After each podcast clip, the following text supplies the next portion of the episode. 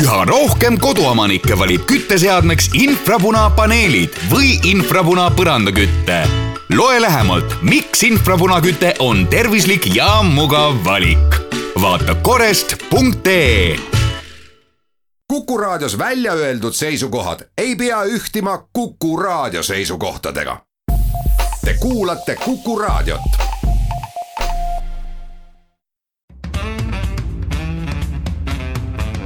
Muuli ja Riikoja tere päevast, head kuulajad, kell on üksteist läbi ja alustame tavapärast Muuli ja Rikkaja saadet, sest et käes on reedene päev, stuudios on Kalle Muuli ja Hindrek Rikkaja. tere päevast! alustame tänast saadet üle, ma ei teagi, kümnekonna nädala mitte koroonaviiruse teemaga, vaid hoopis erakondade rahastamise järelevalve komisjoni teemal, mille valitsus või ütleme siis niimoodi, et täpsemalt koalitsioonierakonnad on ootamatult otsustanud ära kaotada, aga õnneks tõmmati sellele protsessile, vähemalt kiirustamisele selles protsessis pidurit. teiseks räägime Tallinna Tehnikaülikooli rektori valimistest, Tallinna Tehnikaülikool sai siis endale uue rektori, Tiit Land, senine Tallinna Ülikooli rektor valiti Tehnikaülikooli rektoriks eriolukorrast või õigupoolest lõppenud eriolukorrast me loomulikult siiski mööda vaadata ei saa, eilsel kabinetiistungil valitsus leevendas mitmeid piiranguid. ja vast äh, mahub nende mitte leevendatud piirangute alla ka jutt põllumeestest ja maasikakasvatajatest, kes on hädas sellega, et äh, ei saa maale tuua Ukraina hooajatöölisi. ja saate lõpetuseks räägime ka Rail Balticust, teadupoolest äh, kohus siis nii-öelda osaliselt äh, peatas äh, Rail Balticu planeeringud. muuli ja Riikoja kõigil ootamatult pühapäeva õhtul lõppes ära või siis pühapäeva südaööl vastu esmaspäeva lõppes ära eriolukord ja kõigil ootamatult tulid Riigikogu kolm koalitsioonierakonda, nende fraktsioonid välja seaduseelnõuga, mis siis kiirkorras viiks erakondade rahastamise üle peetava järelevalve erakondade rahastamise järelevalve komisjoni käest hoopis Riigikontrolli haldusalasse ja loomulikult pälvis see väga palju kriitikat, et eks siin sellist nii-öelda natukene nagu pseudoteemasid on, on läbi käinud selle, selle vaidluse üle küll ja, ja natuke on läinud fookus ära nii-öelda tegelikult kõige olulisemalt. Ei ole ju olemuslikult tegelikult vahet, et eks ole, kes kontrollib, peaasi, et kontroll on tõhus, aga täiesti selgusetuks jäi ja nagu algatajate poolt ka selgitamata jäi ikkagi see, et miks sellist muudatust vaja on, kui me vaatame erakondade rahastamise järelevalve komisjoni senist tegevust, siis komisjon on ise koostatud põhimõttel, et igal parlamendierakonnal on seal oma esindaja ja lisaks on seal veel ka mõned eksperdid Riigikontrollist, õiguskantsleri juurest ja nüüd mul keegi jäi mainimata, aga kohe plaks ei tule pähe. mul ka äh,, aga, aga kolm eksperti seal on, jah. kolm eksperti seal on ja kui nagu komisjoni senist tegevust vaadata, siis komisjon on töötanud päris efektiivselt, on töötatud välja väga korralik,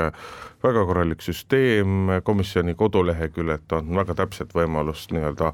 ka ajas tagasi vaadata, kes, kui palju erinevad erakonnad on annetusi saanud, kuidas neid on rahastatud, kes neid on rahastatud,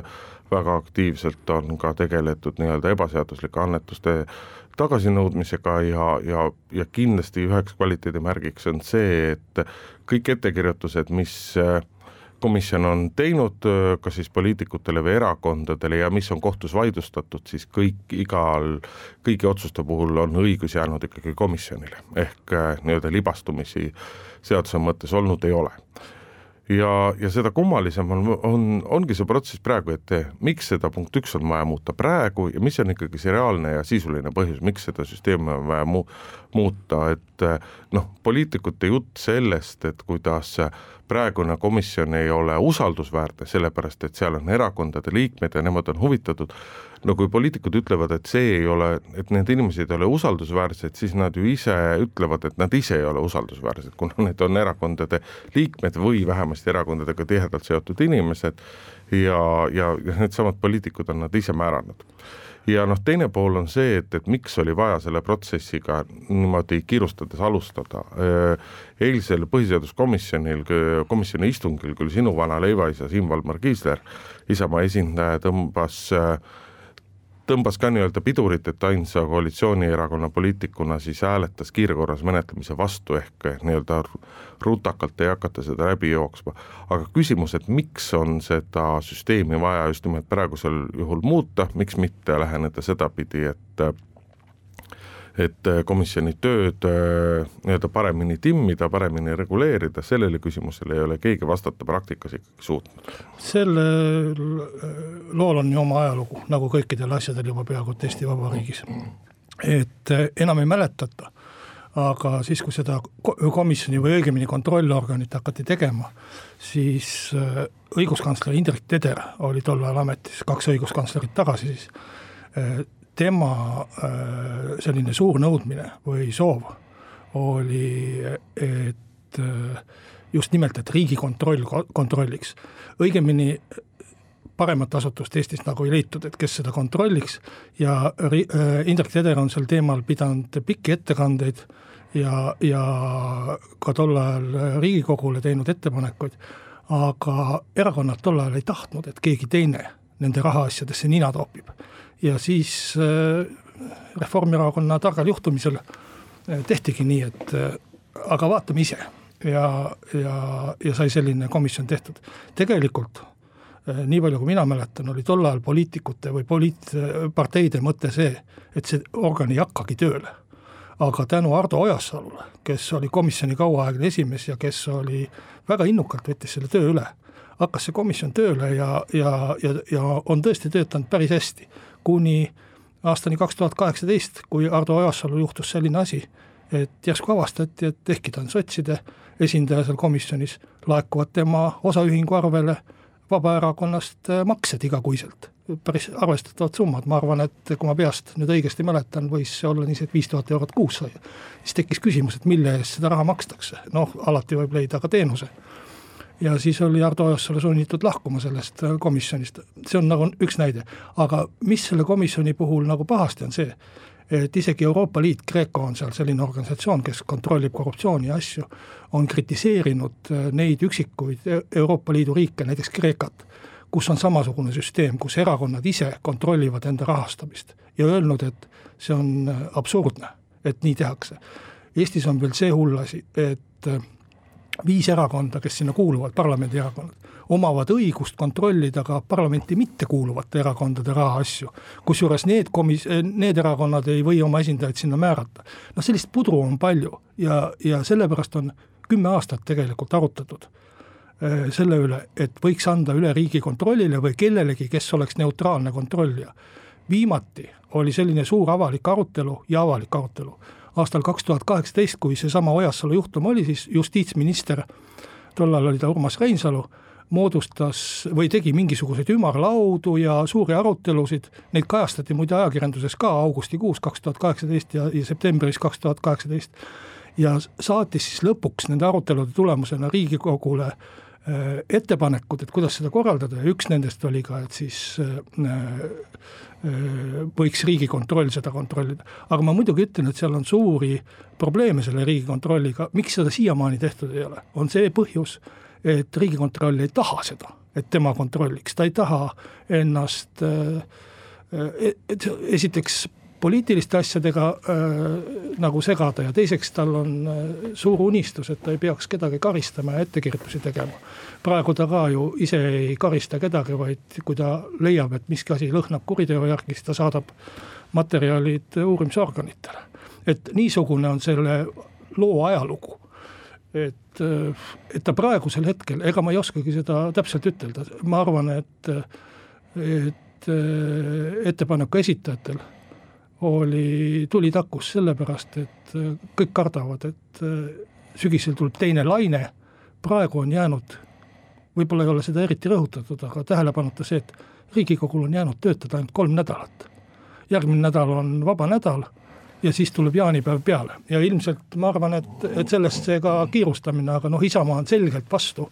mis tahes sedalaadi eelnõude menetlemisele eriti nii tundliku eelnõu menetlemisel, kuidagi kiirkorras või, või et teeme niiviisi lühendatud tähtajaga ära, et seda me kindlasti ei luba, seda enam, et no see on muidugi natuke silmakirjalik, mis sa räägid, sellepärast et, et eelnevalt ju nii-öelda kui selle eelnõuga ava, avalikuks tuldi, ega siis oli ju, oli põhimõtteline kokkulepe kolme erakonna vahel täiesti olemas, et seda asja tehakse kiirelt, et nagu sa ütlesid, kolme nädalaga läbi joosta, et, on Indrek, nüüd Indrek, no, Indrek, Indrek, ära räägi asjadest, mida sa ei tea. no mina, siin ma julgen küll nagu usaldada teiste fraktsioonide esindajaid, kes on küll öelnud, et, et kõik kolm olid kokku leppinud, et selle asjaga tehakse kiiresti. et ka need kommentaarid on ju ilmunud erinevates sotsiaalmeediakanalites, avalikkuses ja nii edasi. meie, ma võin sulle ütelda, et meie erakonnaga oli kokku lepitud ainult see, isegi mitte teksti ei olnud kokku lepitud sellepärast ma arvan, et see tekst väga palju ka muutub, seal on igasugused need kolm kuud või kolm aastat ja mingisugused tähtajad sees. meie erakonnaga oli kokku lepitud suusõnaliselt teksti nägemata see, et panna need ülesanded Riigikontrollile. see oli praktiliselt kõik, mis oli kokku lepitud et sellepärast ka äh, äh, esiteks me ei olnud selle kiirkorras menetlemisega nõus ja et, meie fraktsioon ei ole saanudki tegelikult äh, selle tekstiga põhjalikult äh, tutvuda. Äh, seal on igasuguseid detaile ja nüansse, mis nõuavad arutelu ja sellepärast ma arvan, et see tekst muutub veel väga palju, kui, kui meil kaksteist saadikut selle läbi loevad ja ja hakkavad asja arutama, nii et meiega oli kokku lepitud esmaspäeval üleandmise hetkel oli kokku lepitud ainult see, et see ülesanded pannakse Riigikontrollile. see oli, see oli põhimõtteline kokkulepe, sellega me oleme põhimõtteliselt nõus. aga aga muud, mitte, mitte mingisuguste muude asjadega ei ole me kokku leppinud. sa tõid selles mõttes väga hästi välja, et, et tõepoolest nii-öelda tegemist on pika vinnaga asi, millest on ammu räägitud, aga ja kuidas on varem peetud ümarlauda avalikult arutatud ja nii edasi, et seda kummastavam oligi praegu see protsess, see, kuidas sellega ei, sellest, et sellise eelnõuga tullakse välja, ei olnud ametlikult teavitatud äh, ei Riigikontrolli, kuigi väidetavalt siiski ma ei oska kinnitada, aga mitmed poliitikud on väitnud, et siiski Janar Holm ehk riigikontrolör oli teadlik, et see seaduseelnõu on välja tulemas, ta tõsi jah, ei teadnud täpset aega, millal, aga ta teadis, et see on nii-öelda töös räägitud ei ole sellest ERJK endaga ja nii-öelda kogu see avalik diskussioon ja avalik debatt on nagu pidamata. Ja see on see, mis annab sellise nii-öelda väga väga halva pitseri paneb sellele asjale külge ja, ja, ja nii tekivadki, nii tekivadki vandenõuteooriad sellest, kuidas Keskerakond ja teised erakonnad äh, üritavad oma nii-öelda võimalikest nõuetest vabandada, vabaneda, et ajaliselt venitada selle protsessiga ja nii edasi ja nii edasi, kuigi tõenäoliselt nii-öelda üks, üks terasemaid tõdesid või üks, üks lihtsamaid ja lapsikumaid põhjuseid selle, selle kiirustamise jaoks on tegelikult see, mis Mart, Mart Helme, siseminister ja EKRE esimees eilsel valitsuse pressikonverentsilgi välja ütles, et tema nägemuses kõige suurem probleem on see, et seda erakonda juhivad, juhib üks sots ja üks sotsidega tema hinnangul seotud inimene. ja see oli nii-öelda nagu Mart Helme põhiline argument, millele tema rajanes ja mille põhjal ta väitis, et tegemist on täiesti ebausaldusväärse, ebausaldusväärse organiga. kuigi noh, praktikas seda ei toeta. aga vot siin ongi, selle mõttega oleks pidanud välja tulema, sest et Riigikontroll tänasele, tänases seisus, tänases raamistikus, milles Riigikontroll tegutseb, ei saa seda erakondade rahastamise järelevalvet üle võtta, kuna ta tegeleb väga selgelt ainult nii-öelda nagu riigi raha kasutamisega, ta tegeleb ainult riigiasutustega, erakonnad ei ole riigiasutused ja riigipoolne rahastus on ainult osa nende sissetulekutest ja nagu sa väga õigesti ütlesid, et Riigikontrollil ei ole karistusõigust ja karistusfunktsiooni. ettekirjutusi ei ole võimalik Riigikontrollil teha, aga see peab kindlasti igal juhul olema, sest et vastasel juhul, kui sellist võimalust ei ole, muutub, muutub kogu asi täiesti nagu mõttetuks. no eks seda, mida Riigikontroll teeb, ütleb Riigikogu. ja selles mõttes seadusega saab panna mitmesuguseid kohustusi, mis ei ole vastuolus põhiseadusega, küsimus ongi see, et, et kas need kohustused, mida Riigikogu tahab panna, mahuvad põhiseaduse raamidesse ära, aga kui praegust olukorda mõelda, siis võiks võtta sellise paralleeli, et kujutad ette, et kolm suuremat panka kontrollivad iseenda rahaasju ja pangainspektsiooni ei ole olemas. ja lisaks sellele nad võivad veel kontrollida ka kõikide teiste pankade rahaasju. ma sinuga olemuslikult selles ja. osas ei vaidle, aga probleem ja mis avalikkust kõige rohkem ärritanud ongi, on see, kui nii-öelda nagu räpaselt seda tehakse, kui selgelt noh, nii-öelda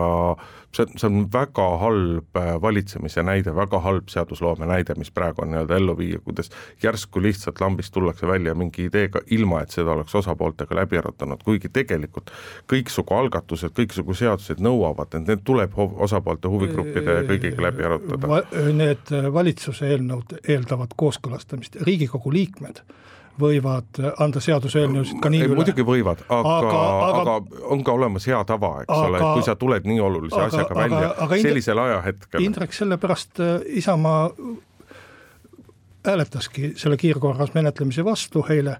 et seda saaks normaalselt menetleda, et seda, seda saaks kooskõlastada, et sa, seda saaks täpsustada. et see on nagu see, see mõte, et nüüd on see aeg olemas ja te, saab täiesti rahulikult arutada seda. teeme siinkohal väikese pausi ja läheme siis saatega edasi.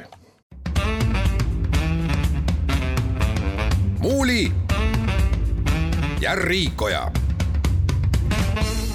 jätkame saadet siis Tallinna Tehnikaülikooliga, oleme sellest äh, oma oma saadetes päris palju juttu teinud, aga, aga mitte küll rektori valimiste põhjustel juba ammu. kas räägime Tehnikaülikoolist või TalTechist, teeme selle ka selgeks või? jah, et nüüd sa suutsid mind natukene ärritada, sellepärast et mulle on õudselt vastumeelsed sellised noh, ma ei, ma ei leia isegi sellele, sellele keelendile nime, et kas see on kadakasakslik või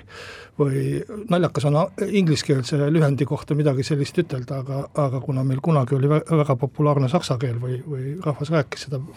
siis rahvapärased väljendid on saksa keele kohta, nii et ütleme niiviisi, et kadakasakslik ingliskeelne nimetus, mille peale aga võtab väga hästi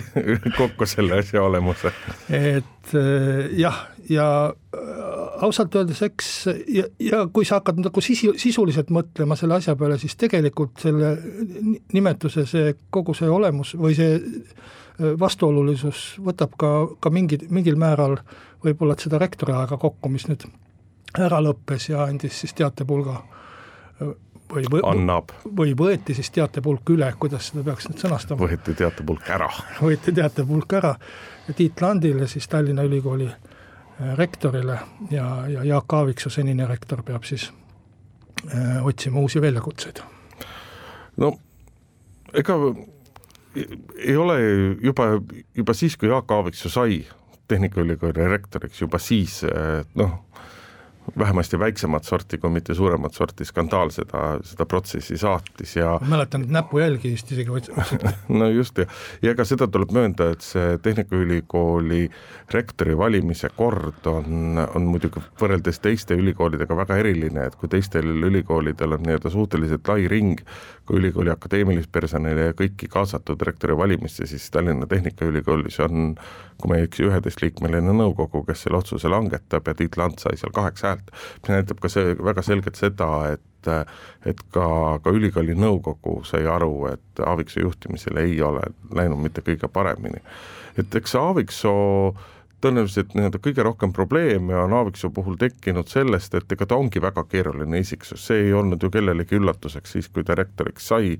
täpselt samamoodi nii-öelda teda on väiksemad ja suured skandaalid ja skandaalikesed saatnud nii, nii poliitikuametis kui Tartu Ülikooli rektori ametis kui ka mitmel, mitmel pool mujal, et ta on nii-öelda nagu väga jõuline isik ja mingisugusel hetkel kahtlemata Tehnikaülikoolile, kui mõelda seda organisatsiooni reformimist ja kõike seda, oli seda jõulisust ja ja kõike vaja, aga noh, iseasi, kui kaua sa sellega nii-öelda selle najal ratsutad ja selles mõttes Tiit Landi üks peamine postulaat, et ta tahab ülikooli juhtimisse ja ülikooli valitsemisse kaasata senisest rohkem akadeemilist personali ja kuulata rohkem akadeemiliste ringkondade sõna. et see teatud mõttes mõjus nagu sõõm värsket õhku selles ülikoolis ja ja sealt oli nii-öelda ülikooli sees oli väga suur toetus Tiit Landile ja, ja Jaak Aaviksoole, noh, kui üldiselt reeglina kõrgkoolides oma rektoreid ikkagi armastatakse, siis Tallinna Tehnikaülikoolist kas õnneks või kahjuks äh, sellest siiamaani nagu rääkida või viimasel, viimastel aastatel rääkida ei ole saanud ja ja seal on need, äh, seal on need põhjused peidus ja eks võib-olla natuke noh, Jaak Aaviksel on endal ka põhjust vaadata enda sisse ja mõelda, et kas saaks võib-olla edaspidi kuskil natukene paremini teha, sest et kahtlemata on tegemist väga võimeka tippjuhiga. ma äh, ei oska seda ülikooli juhtimist niiviisi kõrvalt hinnata ja puudub äh, piisav info, äh, aga ma arvan siiski, et, et seda rektori valimist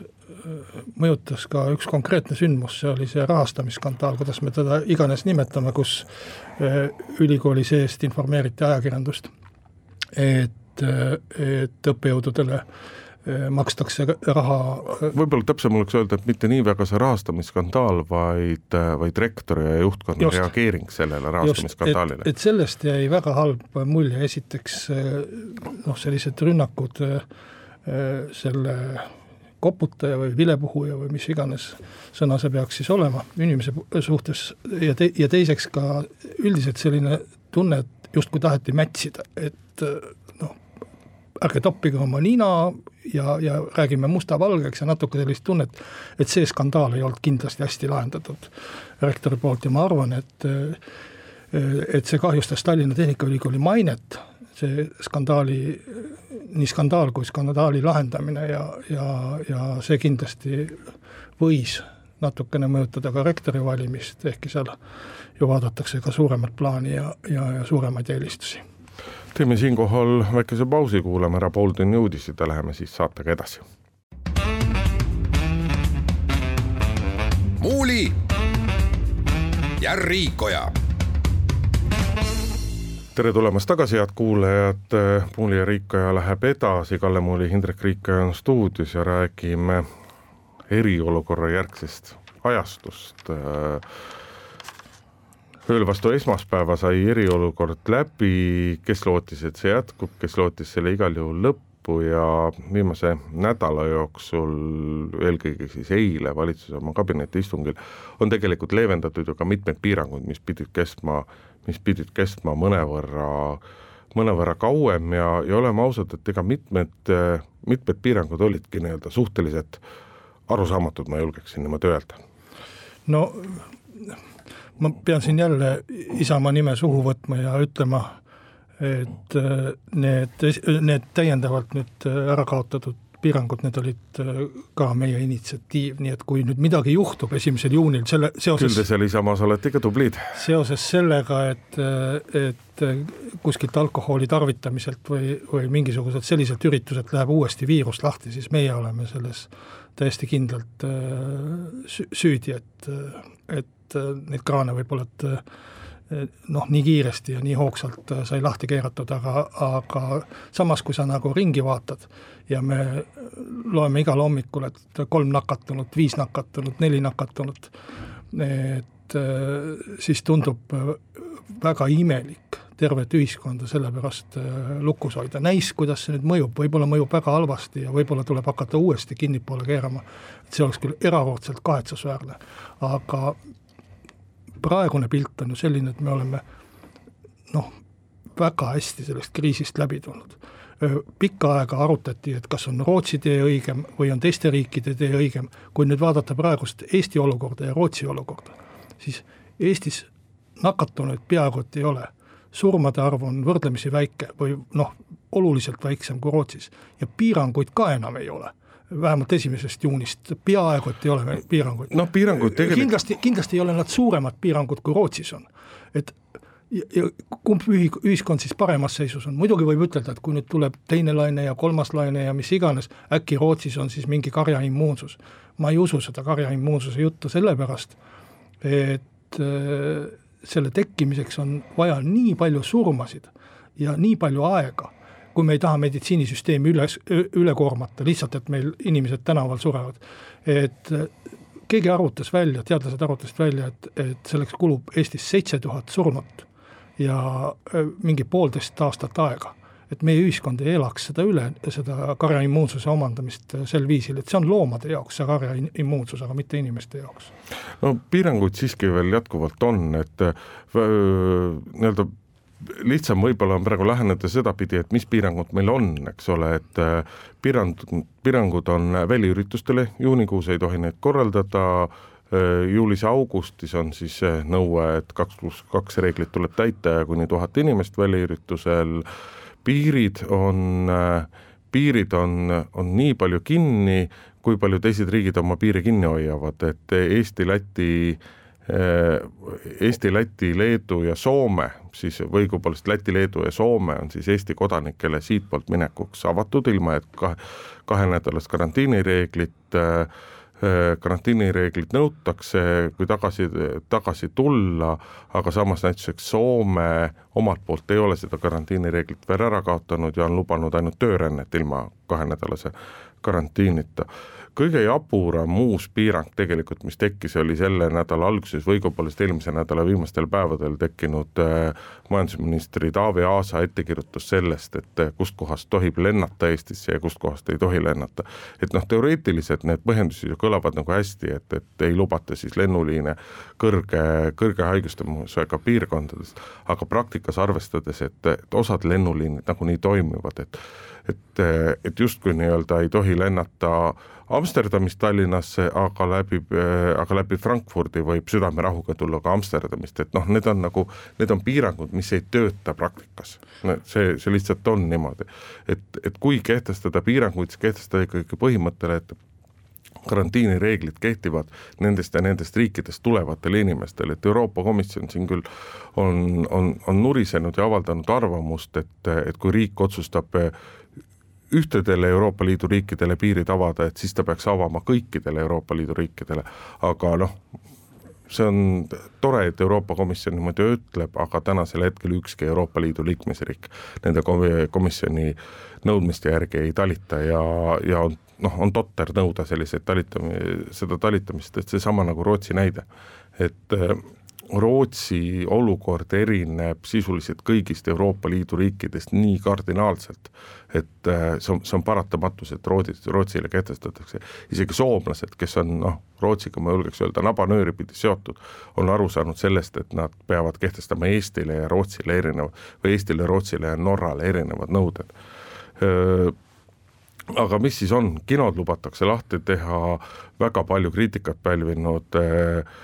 piirang selle kohta, et, et baarid tohivad lahti olla ainult õhtul kella kümneni, see kaotatakse esimesest juunist ära, oli tõepoolest tegelikult täiesti arusaamatu,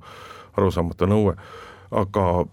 põhiline olemus, mida tuleb inimestele silmas äh, südamele panna, on see, et kaks pluss kaks reeglit tuleb järgida ja ise tuleb olla ettevaatlik, ise tuleb olla mõistlik ja ise ei tohi nagu valvsust kaotada, sellepärast et see, kas teine laine tuleb või ei tule, see sõltub kõige enam inimeste enda käitumisest. nojah, eks see alkohol ole, olegi selline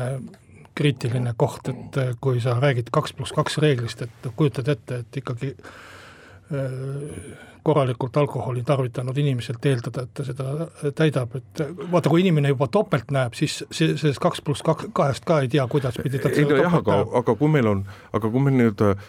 kui, kui poodidest on see alkohol nii-öelda täiesti nagu vabalt kättesaadav. ei ole peale kella kümmet. no peale kella kümmet ei ole, aga ta on täiesti vabalt kättesaadav ja selles mõttes, et noh, kui me nüüd meenutame seda kriisi alguse aega, siis see alkoholimüügi piirang, see algas tegelikult hoopis, hoopis nii-öelda nagu mõtte mõttest tõepoolest äh, piirata alkoholimüüki ka jaekaubanduses ja seda põhjendusega, et olukorras, kus, kus nii paljud inimesed on sunnitud kodus olema, siis nähti ohtu perevägivalla kasvule, just nimelt alkoholist tingitud perevägivalla kasvule. ja ma arvan, et see mure oli nagu täiesti õigustatud, kas sellele oleks nüüd pidanud mingisuguse suurema alkoholi müügipiiranguga reageerima, on, on iseasi, aga see nii-öelda ka baaride sulgemise mõte sai paljuski sellest kohast nagu alguse, et ma ei ole kindel, et see on nagu praktikas väga efektiivne meede. Ja ma ei ole kindel, et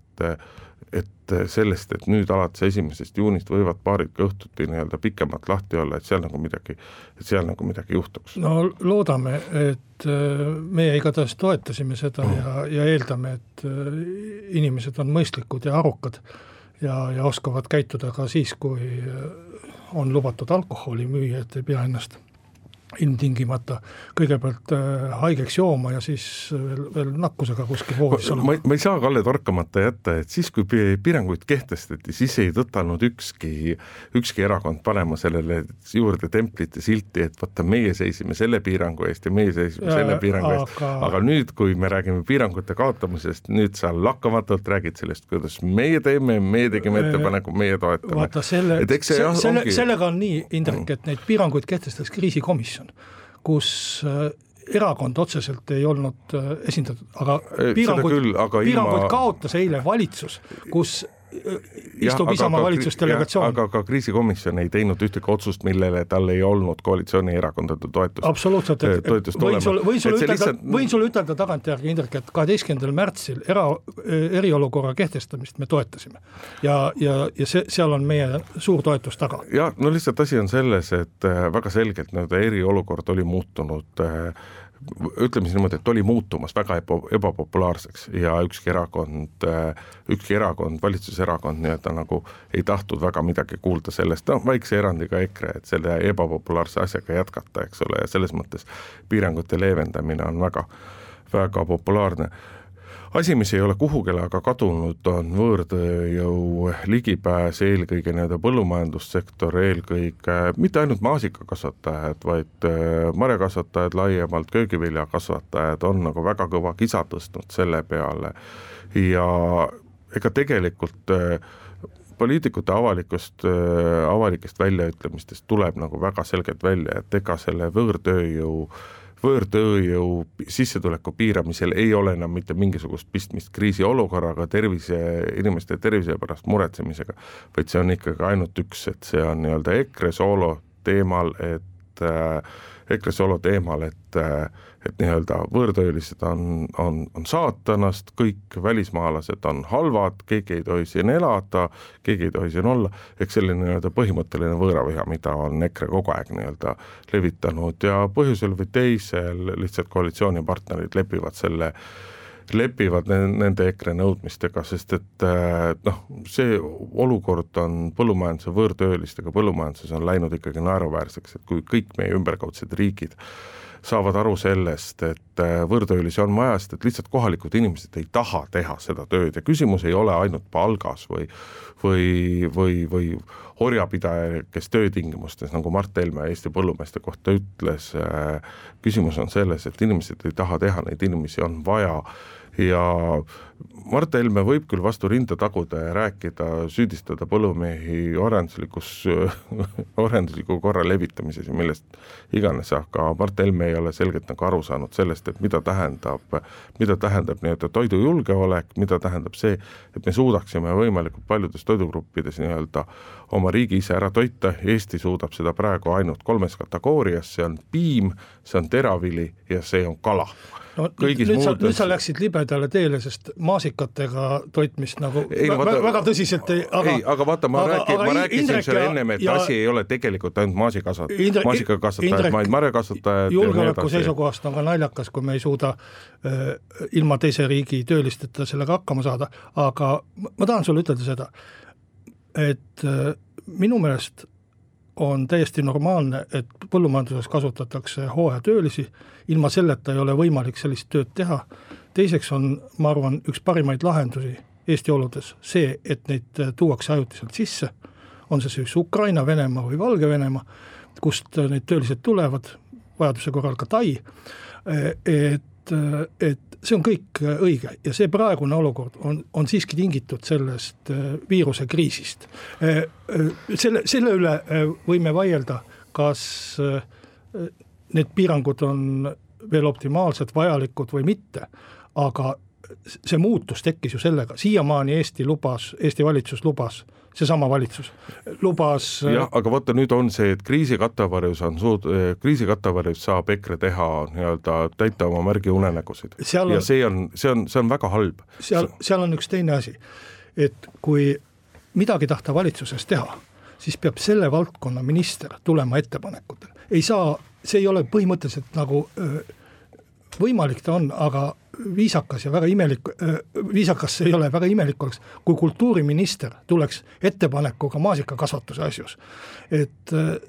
küllap seal on ka oma kultuur, põllukultuur, aga, aga see tundub väga imelik, sellepärast ega keegi peale põllumajandusministri või maaeluministri uuema nimega ei saagi tegelikult nende ettepanekutega lauda tulla. ma arvan, et õigus on mõlemal poolel, õigus on nii neil, kes ütlevad, et võib-olla, et see vint on natuke üle keeratud, et ta ei peaks nii kinni olema, aga päris ilmaasjata neid piiranguid ka ei kehtestata. sellepärast, et see, see läbirääkimiste koht peaks olema seal põllumeestel ja maaeluministril minu meelest. et kui midagi juhtub, kes siis vastutab, kes siis tasub need kulud, kuidas me tekitame olukorra, et see viirus ei leviks ja kuidas me tekitame olukorra või mis me teeme siis, kui näiteks ühes, teises või kolmandas kohas, kus need inimesed on sisse toodud, nad elavad ju ühes väikses majakeses põlluserval sisuliselt ja elavad seal kolm kuud järjest ninapidi koos. et kui nüüd, kui sinna nakkus satub või nad toovad ise kaasa selle olles sealsamas karantiinis. et, et mis siis saab ja, ja kes seda reguleerib ja, ja, ja, ja kes selle kulu tasub? jah, ja põllumehed on et, üritanud ka seda, ka sellest poolest rääkida, aga sul on täiesti õigus, et kuna põllumajandus, maaeluminister on EKRE-st, siis ei ole seda teemat absoluutselt laua peale, laua peale nagu võetud ja, ja ega see kõik tegelikult taandub sellele EKRE ühest küljest oma maailmavaateliselt, nad ongi, nad ongi võõravastased ja nad tajuvad väga selgelt, et suur osa nende valijaskonnast on samasuguste vaadetega ja nad äh, saavad, on teinud väga selge ja kaine kaalutluse, et nii-öelda see põllumajandussektor, kes sellega asjaga seotud on, tema osakaal nii-öelda tööhõives, tema osakaal valijaskonnas on lihtsalt niivõrd väike, et selle valijaskonnagrupi nimel antud kohas ei pingutata ja sinna see taandub. ja ma lihtsalt loodan südamest, et kõik need, et, et, et, et kõik need põllumehed, kes seni on tegelikult ja, ja nii-öelda see maa, maapiirkonnad, kes seni on tegelikult olnud pigem nii-öelda EKRE valijaskond, et, et neil on ka valimistel meeles. aga siinkohal teeme väikese pausi ja siis läheme saate, saatega edasi. muuli ja Riikoja jätkame saadet stuudios Indrek Riika ja Kalle Muuli. Äh, Rail Balticust on põhjust rääkida, Riigikohus siis otsustas äh, tühistada ühe osa Rail Balticu äh, trassi planeeringust, nimelt selle, mis siis läheb Pärnust Läti piirini. Ja põhjuseks see, et üks kolmeteistkümnest keskkonnahinnangust on tegemata ja, ja see oleks pidanud tehtud olema, ma arvan, et et iseenesest on see väga hea, et leidusid organisatsioonid, see on siis avalikult Rail Balticust ja Looduskaitse Selts, kes seda asja protsessisid ja kes seda protsessisid nii kaua välja, et ta läks Riigikohtusse, nimelt ringkonnakohus ju eelmine, eelmine kord otsustas, et seal ei ole häda midagi, et nii võibki olla et äh, nii suure projekti puhul ja, ja, ja nii tähtsa asja puhul,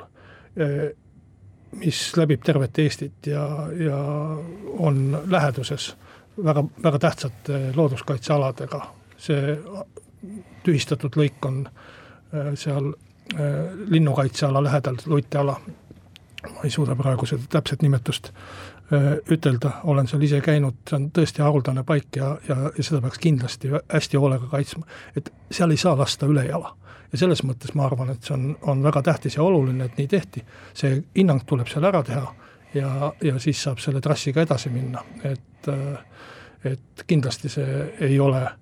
selline küsimus, mille pärast nüüd üle-euroopaline raudtee jääks tegemata, aga, aga me ei, me ei või lubada seda, et kuskil mingisugused sellised äh, noh, teeme kuskil ülejala ära, siis see kahjustab tervet seda trassi. no kui riigikohtunike selgitust, mis on omaette väga positiivne näide, on see, et, et, et riigikohtunikud kahekesi väga selgelt nii-öelda avalikult põhjendasid, mille eest, miks otsustati nii, mitte naa, mis olid argumendid, mida peaks tegema, et et see oli selles mõttes nagu, nagu suurepärane kommunikatsiooni näide, et et kõik, kes vähegi tahtsid, tahtsid aru saada, miks tehti, otsustati nii, aga mitte naa, need said need selgitused nii-öelda väga hästi kätte. aga nagu riigikohtunikud ka viitasid, siis noh, tegelikult teoreetiliselt on võimalik nii-öelda valitsusel ikkagi ka ka üle rullida kogu sellest protsessist ja nii-öelda kehtestada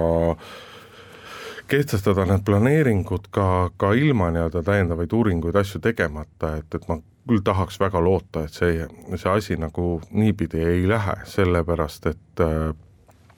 sa tõid, sa tõid õigesti välja, et kindlasti ei jää see protsess nende üksikute asjade pärast seisma, aga sellest hoolimata tuleb ka need üksikud asjad nii-öelda nagu korralikult teha. Minu jaoks on tegelikult huvitavam küsimus see, et, et kuidas liiguvad äh, asjad edasi nii-öelda Lätis ja Leedus, mis tempoga seal nagu tehakse, et meil küll perekond Helmed üritasid, üritasid väita justkui äh, Rail Balticu protsess oleks nii-öelda seisma pandud, aga reaalselt ta läheb tegelikult Eestis päris kiiresti edasi. Noh jah, raske ütelda, et kõige keerulisemad asjad on alati koostöö küsimused Eesti ja Läti ja Leedu vahel, et igaüks tahab seda tekki enda poole tirida. ma isiklikult arvan, et see asi tehakse ära nii või teisiti. et ta on juba nii kaugele lükatud ja, ja, ja kui seal ka kuskil nihkub midagi või, või venib või, või leidub mõni ebapädev juht, et siiski see noh, panus, mis on juba antud, on juba nii suur, et väga keeruline oleks ette kujutada, kui nüüd Euroopa Liit ütleb, et teate, ehitasite seal oma raudteed ja tegite oma keskkonnahinnanguid ja võtsite inimestelt maad ära ja joonistasite neid trasse maha ja, ja kuskil on kopad ka tehtud ja mingid trammiteed juba valmis ehitatud ja olete sellest igast kasu saanud. nüüd me keerame selle kõik tagasi. No, seda oleks nagu raske ette kujutada. no ei, mitte nagu lõputult raske, et kõik sõltub ikkagi sellest, et kas me ise suudame siin seda protsessi ja, ja meie all ma pean silmas nii Eestit, Lätit kui Leedut ka nagu normaalse tempoga edasi lükata. et kui ta jääb siin nii-öelda nagu meeletult venima, siis mingisugusel hetkel tuleb Euroopa Liidust ka kahtlemata selline otsus ära mind hämmastab hoopis rohkem nagu see, et, et nüüd selle kohtuotsuse taustal on taas nii-öelda, osad inimesed üritavad üles, üles kerida ja üles tõstatada ikka teemat trassi valiku kohta, et äh, aastaid on selle üle vaieldud, kustkohast see trass peab jooksma. Ja kui ma vaatan puhtalt isiklikust seisukohast, siis minule meeldiks selles mõttes Tartust läbi minev trass näituseks rohkem, et mul on Tartusse igal juhul rohkem asju kui näiteks Pärnusse aga, aga tegelikult need vaidlused jäävad alati lõputult kestma ja, ja mina isiklikult ei usu, et, et praegu oleks nagu mõistlik uuesti ka sellest nii-öelda trassi, trassikoridorist uuesti rääkima hakata, et kustkohast see trass jooksma peaks, sellepärast et kui me tõesti sisuliselt ja tõsiselt sellel teemal vaidlema hakkame, siis me ei jõua mitte kuhugi. no mina ei ole teab mis suur rongitõitja ja mul isiklikku eelistust selles suhtes ei ole, aga ma olen siin stuudios aastaid tagasi ise ütelnud ja ütlen ka praegu, et Eestile oleks kindlasti kasulikum, kui see läheks läbi Tartu. et äh, praegu minu äh, ettekujutus, võib-olla ma eksin, ja kes seda tulevikku teab, äh, jätab see läbi Pärnu minev raudtee küll Tartu selliseks noh, tagaplaanile ja, ja tõukab ta kõrvale tegelikult liiklusteede arengust ja, ja ühendusest, minu meelest oleks olnud väga oluline, et see oleks läinud läbi Tartu, aga see tehti omal ajal ära tartlasest peaministri äh, ametiajal või vähemalt eestvedamisel, nii et äh, eks äh, tuleb tartlastel vaadata, kes nendest sealt pealinna tuleb neid asju otsustama. mina Tartu provintsistumist ei karda, aga siinkohal tõmbame tänasele saatele joone alla, Kalle Muuli ja Indrek Riik olid stuudios, nädala pärast kuuleme jälle. muuli ja Riikoja